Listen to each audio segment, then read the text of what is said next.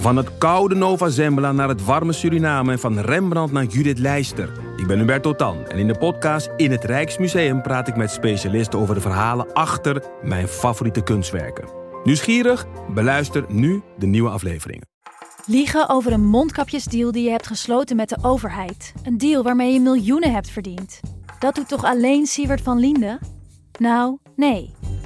Ik ben Felicia Alberding en in de Mondkapjesmiljonairs duik ik met een team van correspondenten in andere schandalen. Want wist je dat Siewert helemaal niet uniek is? Luister de Mondkapjesmiljonairs in je Podimo-app. Of ga naar podimo.nl slash mondkapjes. En probeer Podimo 30 dagen. podimo.nl slash mondkapjes.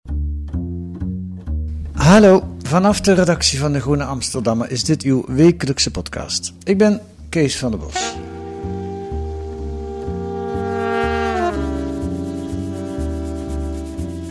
Eerst een huishoudelijke mededeling. Deze week zit aflevering 2 van Radio Amerika in uw podcastfeed.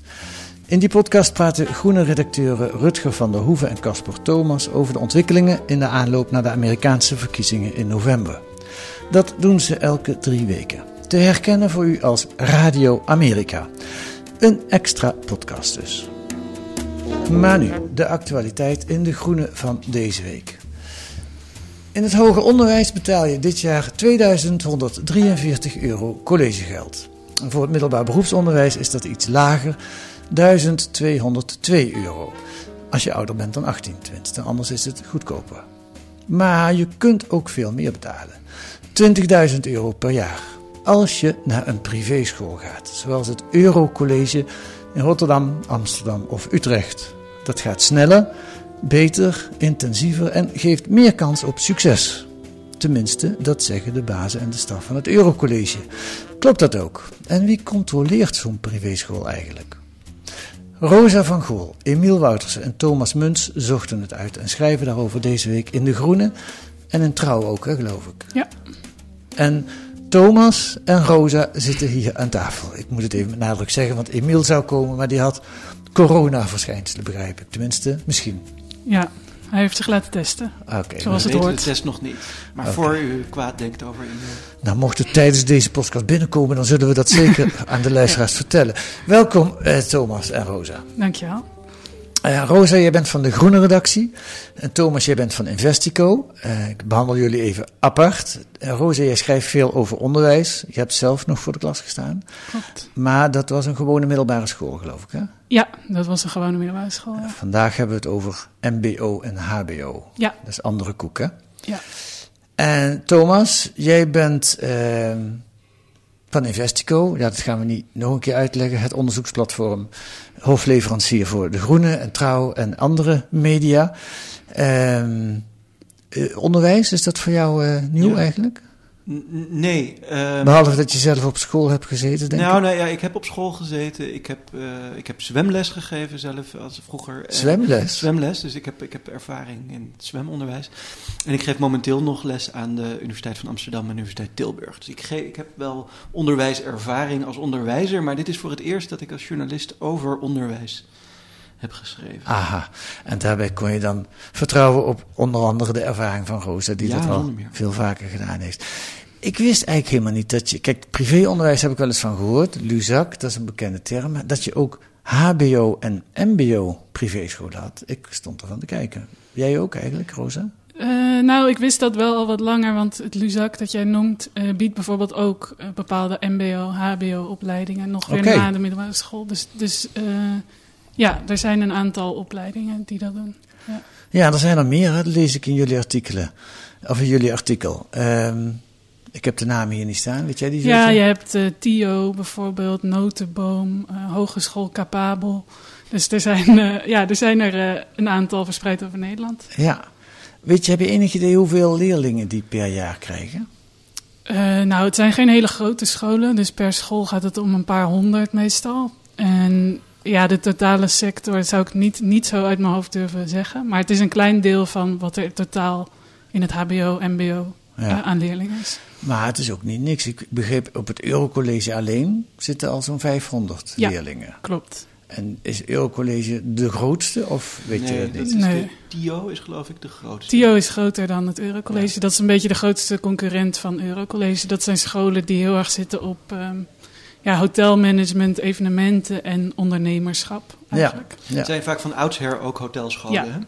Ja. Die Oh, ooit, begonnen zijn als hogere hotelscholen. Eh, en waren in die tijd al particulier onderwijs. En, en Dat ietsje verbreed iets hebben. verbreden Ja. naar entrepreneurship. En dat Ah, soort. Oké. Goed, voordat ik jullie aan het woord laat over het Eurocollege, wil ik eerst wat leerlingen en stafleden van het Eurocollege zelf aan het woord laten. Eurocollege is een particuliere onderwijsinstelling met vestigingen zowel in Rotterdam als in Amsterdam. We richten ons op drie opleidingen: International Hotel Management, Event Management en International Business and Entrepreneurship. En dat zowel op MBO als HBO-niveau. En dit doen we versneld. Dat betekent dat de studenten in een veel kortere tijd een volledige MBO of HBO-diploma bij ons kunnen behalen. Een versnelde studie is, eh, is redelijk pittig inderdaad, want alles gaat achter elkaar door. Dus je hebt eigenlijk bijna geen ademruimte. Dus je hebt minder vakantie en minder vrije tijd. Maar als je gewoon goed met je tijd omgaat, en eh, dat leer je ook hier, dan, eh, dan is er genoeg vrije tijd voor jezelf. Je, je moet gewoon leren plannen. Studenten krijgen hier les van mensen uit het bedrijfsleven. De docenten uit het bedrijfsleven die eh, ja, vertellen het verhaal, de theorie eh, aan de hand van hun eigen praktijkverhalen. Zijn mensen met een heel mooi cv, dus die weten waar ze het eh, over hebben. Eurocollege is anders dan de andere scholen, omdat er het zijn kleine klassen en er wordt intensieve begeleiding aangeboden. En iedereen, alle stafleden, die kennen de student gewoon bij naam. Dus je bent echt een persoon en geen nummertje. We hebben de 10 geboden. Dit betekent elke donderdag strak in pak. Eh zo ook geen tatoeages, piercings. Gewoon netjes de docenten en stafleden met u aanspreken. Ja, keurige jongens en meisjes tussen de docenten door. In een uniform van school lopen ze daar eigenlijk altijd in? Of is dat eh, maar één is alleen op donderdag. Dan is het, het uniform. Dus Pakkendag. Pakkendag. Een school met eh, tucht en orde. Heerlijk, zullen sommige mensen denken. Ja, Ja, ja. dat kan me voorstellen. Ja, het is een het is, eh, een populair concept. Ja, zijn jullie er geweest op die school? Heb je hem gezien van binnen? Nou, we zijn, we, zijn eh, op de vestiging in Rotterdam geweest eh, voor een interview met de, de eigenaar van deze school. Maar we zijn niet echt in de school terwijl er leerlingen waren. Oké. Het is natuurlijk ook eh, Zomer. het was juni, juli Ja. toen we dit onderzochten. Dan Ja. Ja. is er volgens mij weinig les. Nou, ik was benieuwd naar hoe zo'n schoolgebouw daar van binnen uitziet. Ja, het, is een kantoorgebouw aan de Westblaak. Ja. In, Ja, eh, midden in Rotterdam. Dus midden in Rotterdam. Eh, dus nieuwbouw. Ehm, volgens mij in Amsterdam zitten ze in, in In eh, Nieuw-West, dicht bij ja. station Sloterdijk. ook, ergens. ook in van die. Ja, het is een kantoor. Het is een beetje een corporate-achtige setting met een lift met eh, ehm, Ja, waar je binnenkomt Chic. en, en net de secretares eh, die ja, opvangt. ontvangstbalie Ja. En, en foto's van skylines Ja. aan de muur. Nou, en als we deze geluiden mogen horen, heb ik van hun eigen YouTube-kanaal geplukt en ook hun website, dan is het echt een fantastische school. Totdat ik jullie artikel lag, las. Ehm, Rosa, laat ik het eens aan jou vragen. Wat is er mis? Eh, nou, laat ik, laat ik beginnen met... eh, inderdaad, als je dit hoort, dan denk je... het is een fantastische school. En ik denk ook dat het concept van deze school niet slecht is. Het idee achter deze school. Namelijk? Namelijk dat je studenten onderwijs geeft door mensen uit de praktijk. Dus eh, mensen uit de hotelwereld, uit de ondernemers, uit het bedrijfsleven. Eh, dat is op zich een goed idee. Eh, het valt of staat natuurlijk met de uitvoering. En daar eh, valt nogal wat op af te dingen bij het Eurocollege. En dat heeft met name te maken, denk ik, met dat ze erg onderbezet zijn. En dat daarom de begeleiders wel hun vuur uit hun sloffen lopen, maar Mhm. het eigenlijk gewoon niet redden. En dat ja, vind ik persoonlijk nogal stuitend voor het bedrag dat je voor deze opleiding moet betalen. Ja, ja, ja en, en, jullie verhaal lezende, er is echt heel veel mis. Hè? Dus Ja. gro- groot verloop, personeel, vestigingsdirecteuren in Amsterdam en Rotterdam zijn in één jaar tijd weggegaan. Ja. Eh, hebben ook met jullie gesproken, degene in Amsterdam en Rotterdam die wat eerder wegging. Jullie hebben dit van studenten en voor stafleden. Ja, zeker. En volgens mij was de grote klapper toen jullie het rapport in handen kregen van een interne audit, een interne onderzoek. Want ja, jullie hebben dan wel zo'n 30 mensen gesproken, maar blijven er van de 500. eh, Zolang als je zo'n rapport niet hebt, dan, dan is het toch al, hè, dat eh, weet ik van Argos tijd ook, dan blijft het toch altijd een beetje, hoe, wanneer weet je het nou zeker dat het Ja. klopt? Hoe, hoe kreeg je die, eh, die het is, hoe is het onderzoek begonnen eigenlijk? Laat ik het dat zo vragen. Ehm, nou, daar zit wel wat langer verhaal achter. Namelijk, eh, Thomas en ik waren al een tijdje aan het nadenken om iets over onderwijs te schrijven. En we vonden die private sector eh, wel interessant. Omdat Mhm. daar, ja, eigenlijk omdat daar vrij weinig over bekend is, weinig over wordt bijgehouden. Veel geld natuurlijk in omgaat. Ook al gaat het om kleine aantallen mensen, het gaat wel om grote bedragen. Ehm, dus nou ja, dat was al, we hadden daar een beetje onze antenne voor uitstaan. En toen eh, ja, kwamen er klachten over deze school. En toen zijn we daarna gaan kijken. Dus je bent niet met deze school begonnen? Nee, dat was niet het idee om per se dit, dit, dit, deze, ehm, deze club eh, onder de loep te leggen. Nee. Eh, het is het meer, veel meer het fenomeen. En, en ik denk dat het, wat mij betreft, omdat ik natuurlijk niet heel veel heb geschreven over onderwijs, begon bij dezelfde verbazing die je aan het begin van deze podcast ook eh, liet zien, Kees. Over, ja, eh, bestaat dit, is dit er nu ook al voor het hoger onderwijs? Ja. Ja. Want het Luzak, Ja. dat weet ik ook nog uit mijn tijd toen Ja. ik gewoon op middelbare school zat. Dat was als je het om wat voor reden dan ook niet redde en je kon het betalen, dan had je een aantal jaar, kon je bij dat Luzak het nog bijspijkeren. Het was vaak ook een soort van remedie voor mensen die dat konden betalen. Maar wat, wat mij ehm, eh, totaal verbaast, is dat er inmiddels echt een heel traject ligt. Dat je bijna vanaf de basisschool Ja. tot aan tot en met je hoger onderwijsopleiding binnen dat private onderwijs kan blijven. En we zal eerlijk zijn, de, de aanvankelijke, ehm, eh, aanvankelijke journalistieke ehm, antenne ging natuurlijk over eh, kansenongelijkheid in het onderwijs. Ja. Je gaat ervan uit, oh, dit is dan, hè, gaan we naar een Engelse situatie toe? Hier zit de elite. Misschien ja, hier wel. zit de elite. Ja. Ja. dus je gaat eens rondvragen en rondspreken. En toen bleek het anders te zitten. En toen, ik hoorde u net zeggen, de eerste tip over het Eurocollege kwam in deze, waren jullie in deze kamer binnen? Of, hoe- maar- Je, neemt- je, je, ja, god, je, je spreekt wel eens mensen. En dit was nog in de coronatijd. Dus je, je kan moeilijk. eh, ehm, hoe heet het? Het was allemaal moeilijk met cafés en dat soort dingen. Ze zeiden: Nou, komt u dan een keer langs op Ah, de ja. Groene Ah, Amsterdam redactie. ja. Maar meer kunnen we hier niet over vertellen. Dat want het gaat natuurlijk in vertrouwen. Ja, dat snap ik. Wanneer kreeg je het gevoel, want kijk, je spreekt dus iemand die dan moppert op zo'n Eurocollege. Maar wanneer, eh, en dan kijken we naar jou, Rosa, wanneer kreeg je het gevoel, of had je meteen al bij deze eerste meneer of mevrouw, wie het ook was, het idee van, hier zit meer achter? Nee, nou zoals jij terecht zegt, eh, er kunnen natuurlijk altijd kan er iemand zijn die boos is of die ontevreden is of die een conflict heeft gehad. Dat is op zichzelf niet genoeg eh, om daar een artikel over te schrijven.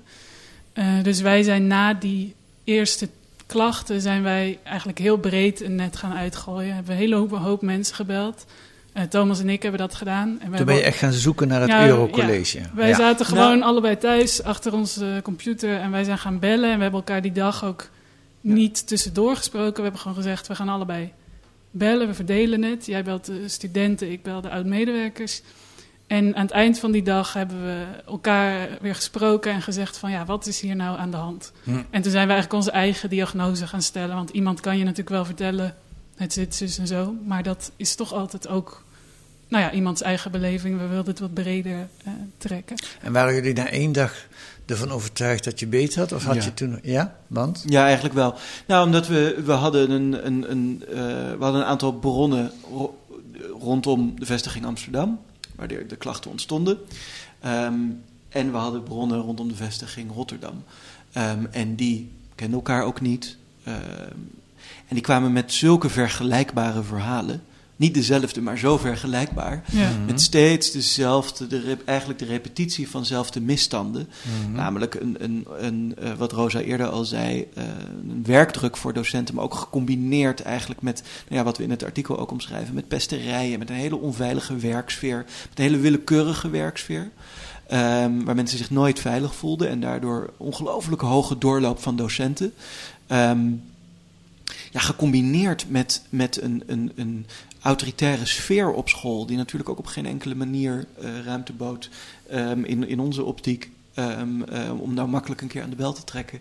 eh, maar dat was ook iets dat steeds terugkwam. Ja. Dat, dat heel erg een patroon dat mensen daar dus tegen al deze dingen aanlopen en dan weggaan. En dat zie je ook terug in het aantal vestigingsdirecteuren dat zij verslijten. En we zagen natuurlijk ook, en daar hebben we ook heel erg naar gekeken natuurlijk, dat dat zijn weerslag heeft, niet geheel logisch, op de eh, kwaliteit van het Ja. onderwijs. Op wat Ja. die studenten uiteindelijk krijgen. Ja. Was het makkelijk om mensen te spreken te krijgen? Nee, dat was niet makkelijk. Waarom niet? Eh, nou, dat heeft een aantal redenen, die ook heel begrijpelijk zijn. Kijk, studenten die daar op school zitten, die zijn ontzettend afhankelijk van die school. Hebben ook heel veel geld betaald aan die school. En als zij straks een diploma hebben, willen zij niet dat, hij, dat die school er slecht op staat. Ja. En dat geldt ook voor mensen die daar net eh, afgestudeerd zijn. Heb je 50.000 euro betaald en dan komt je school in het nieuws dat die niet deugt. Dat vind je niet leuk. Precies. Ja. En voor medewerkers, oud-medewerkers, eh, ligt het ook om hele logische redenen ingewikkeld. Ehm, nou ja, medewerkers die werken daar nog, dus die zijn ook afhankelijk. En voor oud-medewerkers geldt vaak dat zij, eh, nou ja, bijvoorbeeld een contract hebben ondertekend waarin staat dat ze niet met derden eh, over interne aangelegenheden mogen praten. Dat is vrij gebruikelijk. En Bij het afscheidscontract. Ja. eh, ja. ja. Ja, dus dat, dat leverde allemaal wel wat eh, Ja. moeilijkheden op. En wanneer kwam die klapper van het rapport, van een intern rapport van een eigen docent die ja, het zwart op wit zet dat het... God, ik eh, weet niet meer hoe wanneer dat eigenlijk kwam, maar dat kwam in de loop, op, in de loop van het onderzoek. En het interessante van het rapport, ehm, eh, wie, er, wie hem eh, per se graag wil lezen, ga naar platform-investico.nl waar je gewoon de pdf kan vinden. Want we Oh. zijn transparant over wat we hebben. En je, zie, je zal in dat rapport zien dat het een... een het is- het zijn conclusies ja. die gepresenteerd worden. En Ja.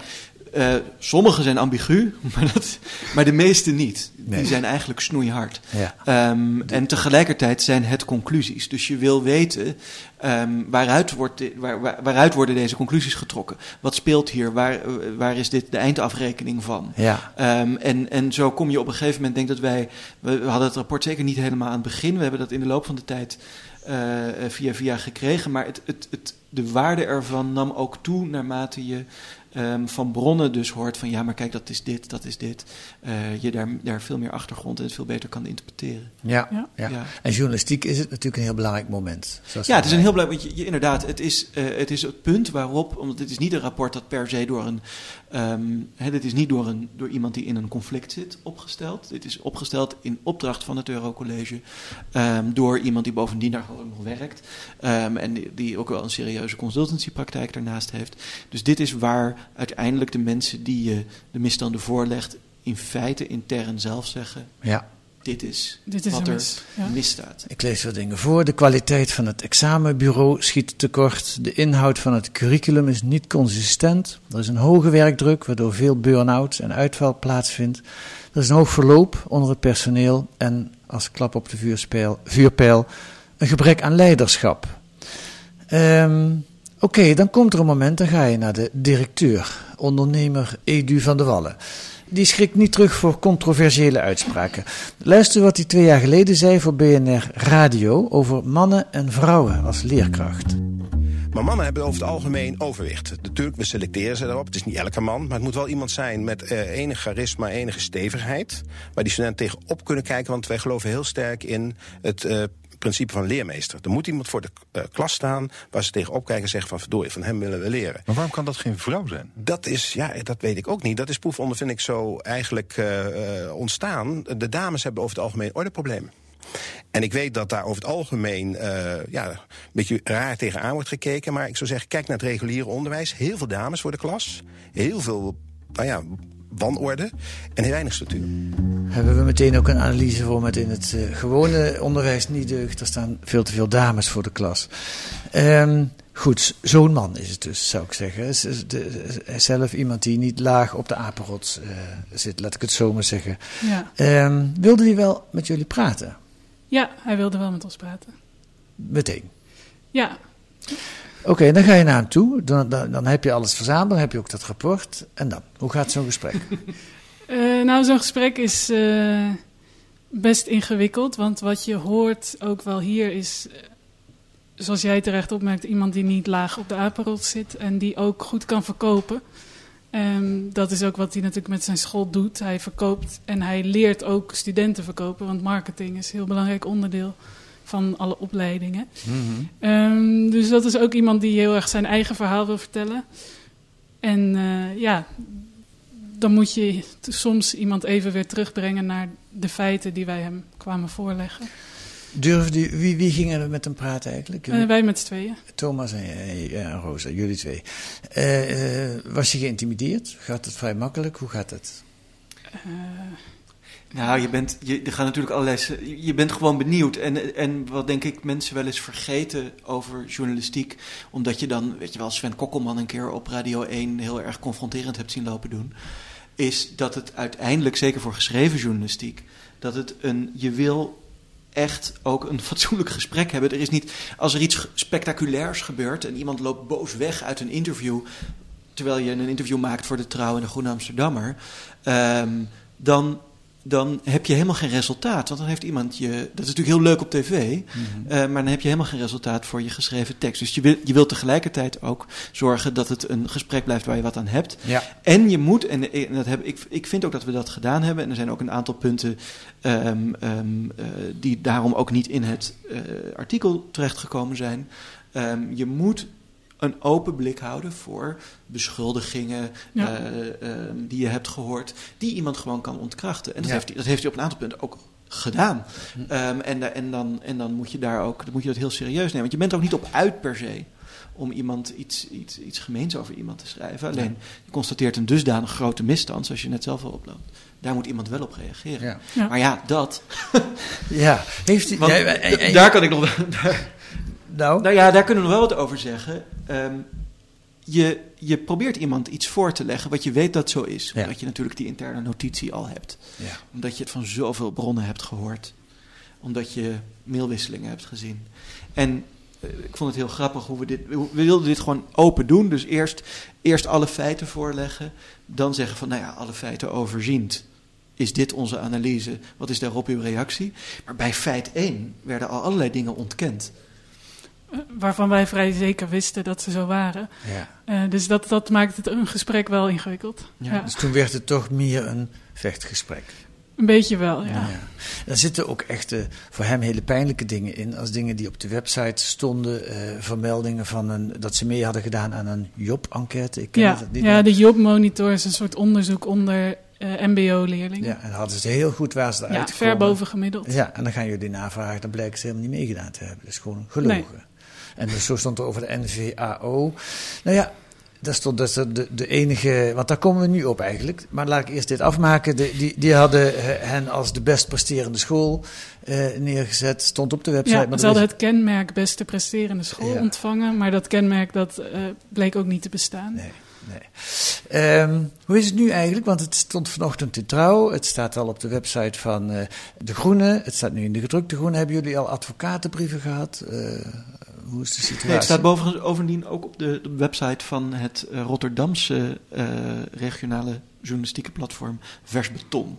Die wil ik even niet onvermeld laten. Maar om op je vraag terug te komen, ja, die hebben we al gehad. Ja, en wat waren dat voor brieven? Eh, nou, die hebben we al voor publicatie gehad, want we hebben natuurlijk weer eh, de weerslag van ons, of de, de, de, de- ja, de weerlegging van meneer Van der Wallen, de directeur van de school, hebben we natuurlijk opgenomen in ons artikel. Dat hebben we aan hem voorgelegd voor publicatie. Ja. Eh, en daarop was het antwoord. eh, tot dan toe hadden we redelijk vriendelijke communicatie en toen was het advocaat. eh. Ja. Ja. en dan is het, je mag niet publiceren, want het klopt niet. Nee, dat heeft hij niet gezegd. Hij heeft wel weer een heleboel feiten opnieuw op een andere manier weersproken. Hm. Eh, dus eigenlijk zijn verklaring weer gewijzigd. Maar, het- maar fundamenteel is er niks veranderd. Er zijn geen dingen tot jullie Nee. gekomen die je tot een andere. eh Nee, het zat hem eigenlijk allemaal in de details en dan Ja. is het goed. En dat is ook echt, nou ja, dat hebben wij ook in de antwoorden op de advocaat ge- ge- gezegd. eh, ehm, eh, dat we dit ook serieus als onderdeel zien. Hè? Een tekst voorleggen aan iemand als onderdeel Ja. van de wederhoor. Ja. ja. Ehm, en het, is, het komt eh, vaak voor dat als je toch nog iets voorlegt. en niet eens een bron met wie je op dat moment een gespannen relatie hebt. maar ook met bronnen waar je, waar je heel prettig mee hebt samengewerkt. dat er toch nog even iets, iets, iets uitgehaald wordt. Ja, een verhaal Eh, wordt er dat- meestal beter Het van. wordt Ja. er beter van en je moet dat serieus nemen. En dat deden we in dit geval ook. Alleen verliep de communicatie in dit geval via een advocaat. Ja. ja. Ja. Iets heel anders. Oud-leerlingen die al gereageerd hebben? Ja. Of oud-stafleden? Ja, nou ja, ik moet je eerlijk zeggen, we we nemen deze podcast op uh, op woensdagmiddag.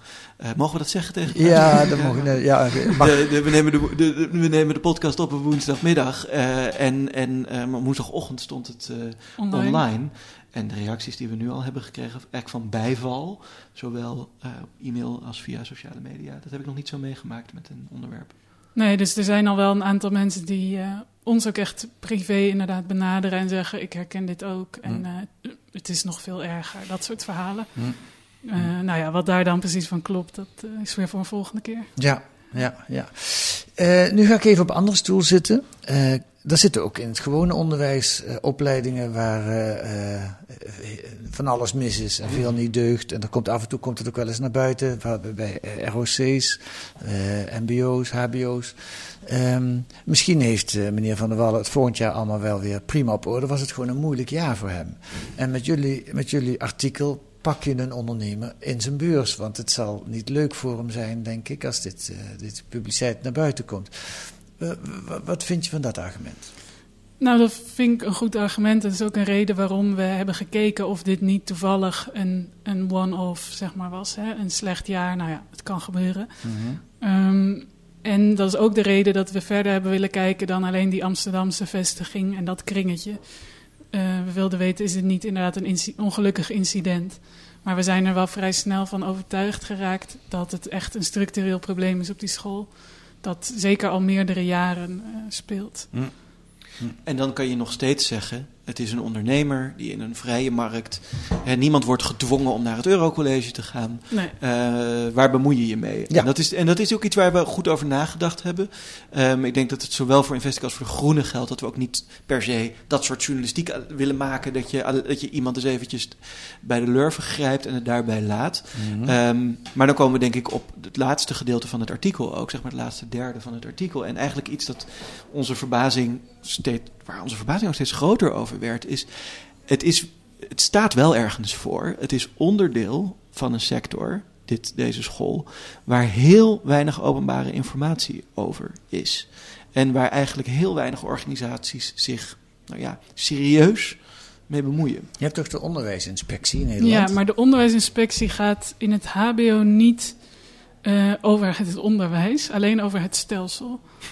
Wacht even. Ja, uh, vraag me alsjeblieft niet om dit uit te leggen, okay. want ik kan dit niet uitleggen. Maar de conclusie is, ze bemoeien zich ze niet bemoeien met het zich onderwijs. Er niet mee. In het hbo zeg je, maar In bij het, het, HBO. bij het mbo. MBO bemoeien zich er iets meer mee. Ja, ja. ja. Maar, maar ook, ook het privéonderwijs? Ja. In principe gaat de onderwijsinspectie ook bij het Eurocollege kijken. Bij het mbo alleen, ja. Ja. Hebben ze dat ook gedaan? Zijn daar rapporten van? Uh, ja, er, er, zijn wel, daar zijn wel rapporten van, ja. En er zijn ook rapporten van de NVAO, de accreditatieorganisatie. Ja, oké, okay, maar dat wil ik even apart behandelen. Dat, want dat is ja. inderdaad wat je zegt, een accreditatieorganisatie. Die controleren niet echt, nou laten we het meteen maar uitleggen. Die controleren niet echt de lopende gang van zaken. Maar die kijken, voldoen ze aan de minimumvoorwaarden om een mbo te zijn. Ja, Vat ik het goed samen? Maar ik denk, de onderwijsinspectie, ik weet van uh, vrienden van mij die op het ROC in Nijmegen uh, werken. Dat is geen pretje als die langskomen. Dan uh, zitten nee. ze allemaal een beetje in een rat. Zijn, is de onderwijsinspectie ook bij uh, meneer Van der Wallen op school geweest? Ik weet niet of ze langs geweest zijn. Dus ze zijn wel langs geweest, maar, maar uh, vraag me alsjeblieft niet precies wanneer ze daar voor de laatste keer geweest zijn. Maar hebben ze rapporten over die school? Ze hebben rapporten. En, en dat kun je die zijn, krijgen? Uh, ja, en dat zijn gewoon uh, redelijke, gewoon normale inspectiebezoeken zijn dat. Dan moet ik erbij zeggen dat ons artikel zich echt met name op het HBO toespitst. En dat okay. daar ook de grootste problemen zitten. Oké. Okay. En de, de, dus die problemen die jullie gehoord hebben zijn vooral van HBO. En mm. voor zover het over het MBO gaan, die zijn nog niet bij de inspectie gemeld. Uh, voor zover ik weet niet. Nee, nee, nee.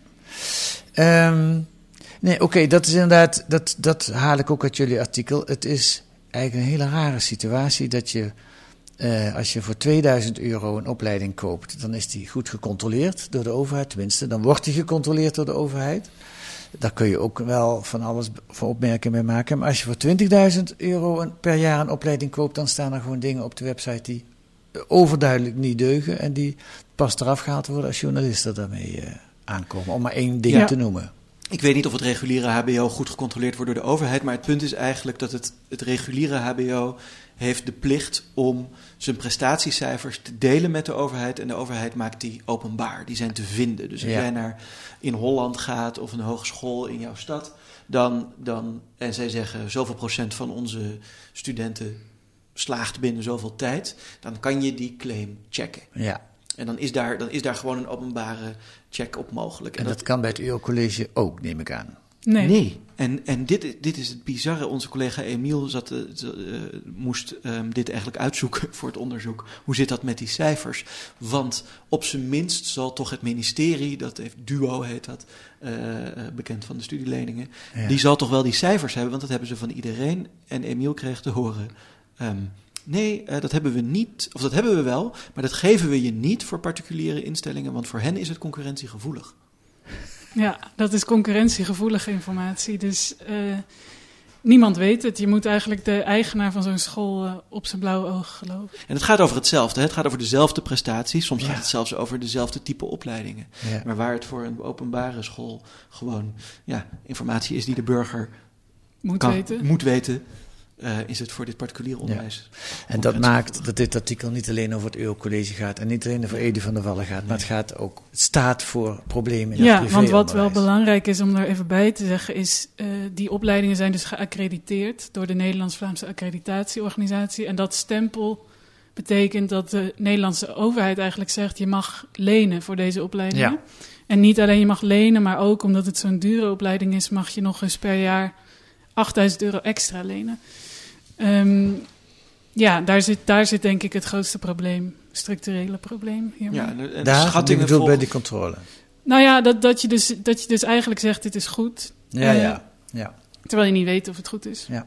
Ja. En het schijnt, de, de- meneer Van der Wallen hield het op 50% Voormalig medewerkers noemden vaak getallen rond de 70% van de studenten leent dat collegegeld, dat dus eh, in totaal een, een halve ton is, eh, leent dat bij de overheid. Met andere woorden, de overheid zegt: wij staan garant voor een lening aan jou, dat uiteindelijk gewoon in zijn geheel eh, naar zo'n particuliere instelling gaat. En, we, en jij Zo mag- particulier is het ook weer niet. Nee, en jij mag dan naar die school, maar we gaan niet vertellen hoe succesvol die school is. Nee. Hoeveel Nee. leerlingen er dan. Ja. Als ik samenvattend, eh, wat die problemen, nou, dat hebben we allemaal nu behandeld. Wat, wat ik u- uit, jullie verhaal en uit jullie artikel als hoofdprobleem haal, maar dat leg ik jullie voor eh, om te kijken of dat klopt, is eigenlijk de persoon Edu van der Wallen. De manier waarop dit Eurocollege geleid wordt. Is dat ook jullie analyse of wil je daar zover niet gaan? Het is, het is wel het beeld dat, dat ook uit de gesprekken wel, denk ik, naar voren komt. Kan ik dat zo... eh, kijk Ja. ik even naar Rosalie. Nou, er zijn, er zijn veel bronnen die dit inderdaad tegen ons hebben gezegd. Maar, Ja. ik vind, maar ik vind het belangrijk om, om daarbij aan te merken... dit is ook zijn school. Ja. Ja. Ehm, en als Rosa zegt ehm, dat er met het, met het concept in principe niet iets mis is... is dat zijn verdienste. Ehm, is dat het concept dat hij in de markt gezet heeft... namelijk discipline... ehm, en tegelijkertijd eh, les van, van ervaringsdeskundigen. Ehm, en, en, en ook hele boze studenten die, die, die haasten zich om te zeggen: van nou ja, maar mijn sta de plek waar ik stage heb gelopen, vond, vond, was wel heel tevreden over Ja. mij. Tegelijkertijd, hè, mijn scriptie loopt uit en ik krijg geen Ja. begeleiding. Maar dat, dat is ook wa- wat het een onderneming maakt, is dat het samenvalt met de ondernemer. Dat is Ja. misschien voor John de Mos Talpa niet anders. En, en, Ja. eh, Nee, dus Nou- ik denk toch dat je je meer af moet vragen. eh, Zo, zou ik liever willen van. eh, willen we dit soort ondernemers Precies. in het onderwijs hebben? daar, dat is de cruciale vraag. Want, want dan krijg je dus ook mensen die, ja, noem het hoe je het wil noemen, eigenzinnig zijn. Eh, ja, die, die neem je dan op de koop toe eigenlijk. We gaan nog één keer naar Edu van der Wallen luisteren. In een interview met Paul van Liemt op YouTube eh, legt hij uit wat zijn recept voor succes is. En hij zegt dan, je vraagt eerst aan een jongere wat hij of zij wil bereiken. eh, en dan? Daaruit ga je eigenlijk communiceren welke normen en waarden en gedachten bij succes horen. Dus je fietst het aan vanuit de succesinsteek. Nou, daar is heel veel onderzoek over gedaan. En wij hebben zeg maar een van de bijbels die geschreven is over succes daarvoor naar ons toegetrokken. Dat is Think and Grow Rich van Napoleon Hill. En die hebben wij zeg maar als een soort leidraad Ja, in je de opleiding. zachtjes, hè, voor de mensen die dit nu horen voor het eerst. eh, Ja. Napoleon Hill, hè, dat is een Ja, schrijver. Napoleon Hill. Ja. Dat is een meneer die heeft zeg maar 60 jaar lang uh, succes onderzocht. En eigenlijk elke keer gekeken hoe denken en doen nou succesvolle mensen. Duizenden. Dus daar is een soort format uitgekomen. Altijd positief zijn. Duidelijk omschreven doelen hebben. Bereid zijn extra stappen. Go the extra mile.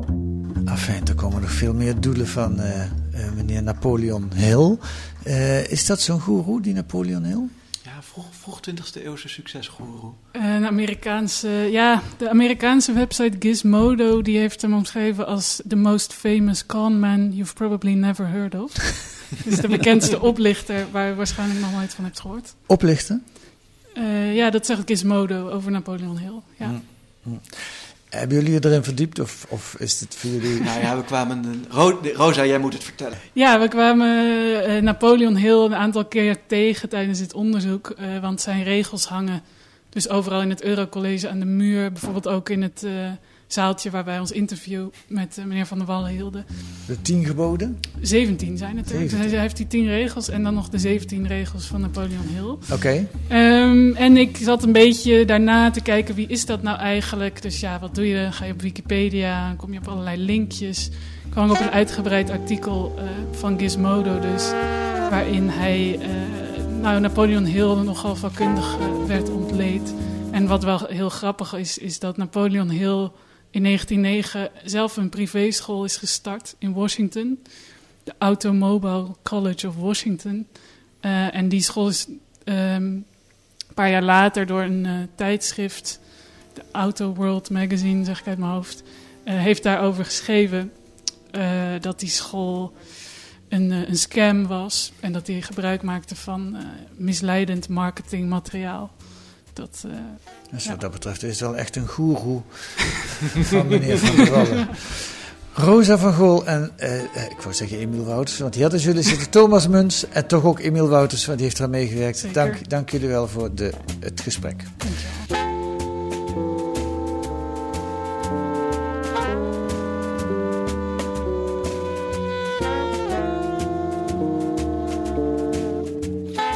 Dit kunt u deze week lezen in de Groene Amsterdammer met een abonnement of een proefabonnement. Ga dan naar groene.nl. Daar leest u hoe u drie maanden de Groene kunt krijgen voor 30 euro.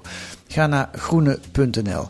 Uh, en als mensen nog tips hebben, Thomas, wat kunnen ze dan doen? Ja, dan kunnen ze Rosa mailen via groene.nl of contact met Emiel en mij zoeken via platform-investico.nl. Oh ja, allemaal te vinden op de, op de website. Goed, ik ga nog één uh, mailadres uh, noemen en dat is podcast.groene.nl. Daar kunt u reageren op alles wat u in deze podcast hoort. En als u uh, Rosa of Thomas of Emiel wil bereiken, dan zorgen wij dat dat bij ja. u terechtkomt. Wat staat er nog meer in De Groene deze week? Een portret van Anton de Kom, de Surinaamse schrijver en verzetstrijder, die nu in tijden van Black Lives Matter weer velen inspireert. Zijn boek Slaven van Suriname, 1934, staat nu weer in de non-fictie top 10 van boekhandel Scheltema. En een reportage over post-corona vrijwilligerswerk. Alles is post-corona tegenwoordig. Er vond de afgelopen maanden een massale uitbraak van solidariteit plaats. Tienduizenden mensen gingen bijvoorbeeld bijles geven of voedsel uitdelen. De grote vraag is of dit het vrijwilligerswerk blijvend zal veranderen. Te lezen in De Groene van deze week. En volgende week zijn wij er weer met analyses en achtergronden bij het nieuws in deze podcast van De Groene Amsterdammer. Dat u kunt reageren heb ik al gezegd. U kunt ook sterren geven onderaan in uw podcast-app. Daar worden wij weer blij van. Deze week werd de podcast gemaakt door Mariska van Schijnel en Kees van der Bos. En de muziek is A Tune for N van Paul van Kemenade.